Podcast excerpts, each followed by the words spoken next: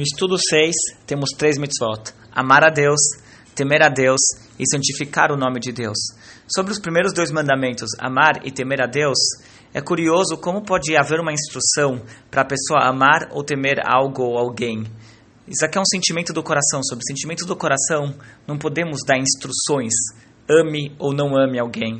Tema ou não tema alguém. Ou a pessoa tem aquele sentimento ou não. Então, qual é o mitzvah, qual é o mandamento dado à pessoa para que ele ame ou teme a Deus? E a explicação é a seguinte: nossos uh, sábios ensinaram que quando a pessoa ela medita na grandiosidade de Deus, através de observar a grandeza de Deus na Torá ou na criação, quando ele vê a grandiosidade do universo, a perfeição do universo, e ele sabe que atrás de tudo isso há um Criador que criou tudo isso, ele se desperta no coração um sentimento de amor a Deus, de querer se aproximar a Deus, e também um temor, esse temor é uma reverência a Deus.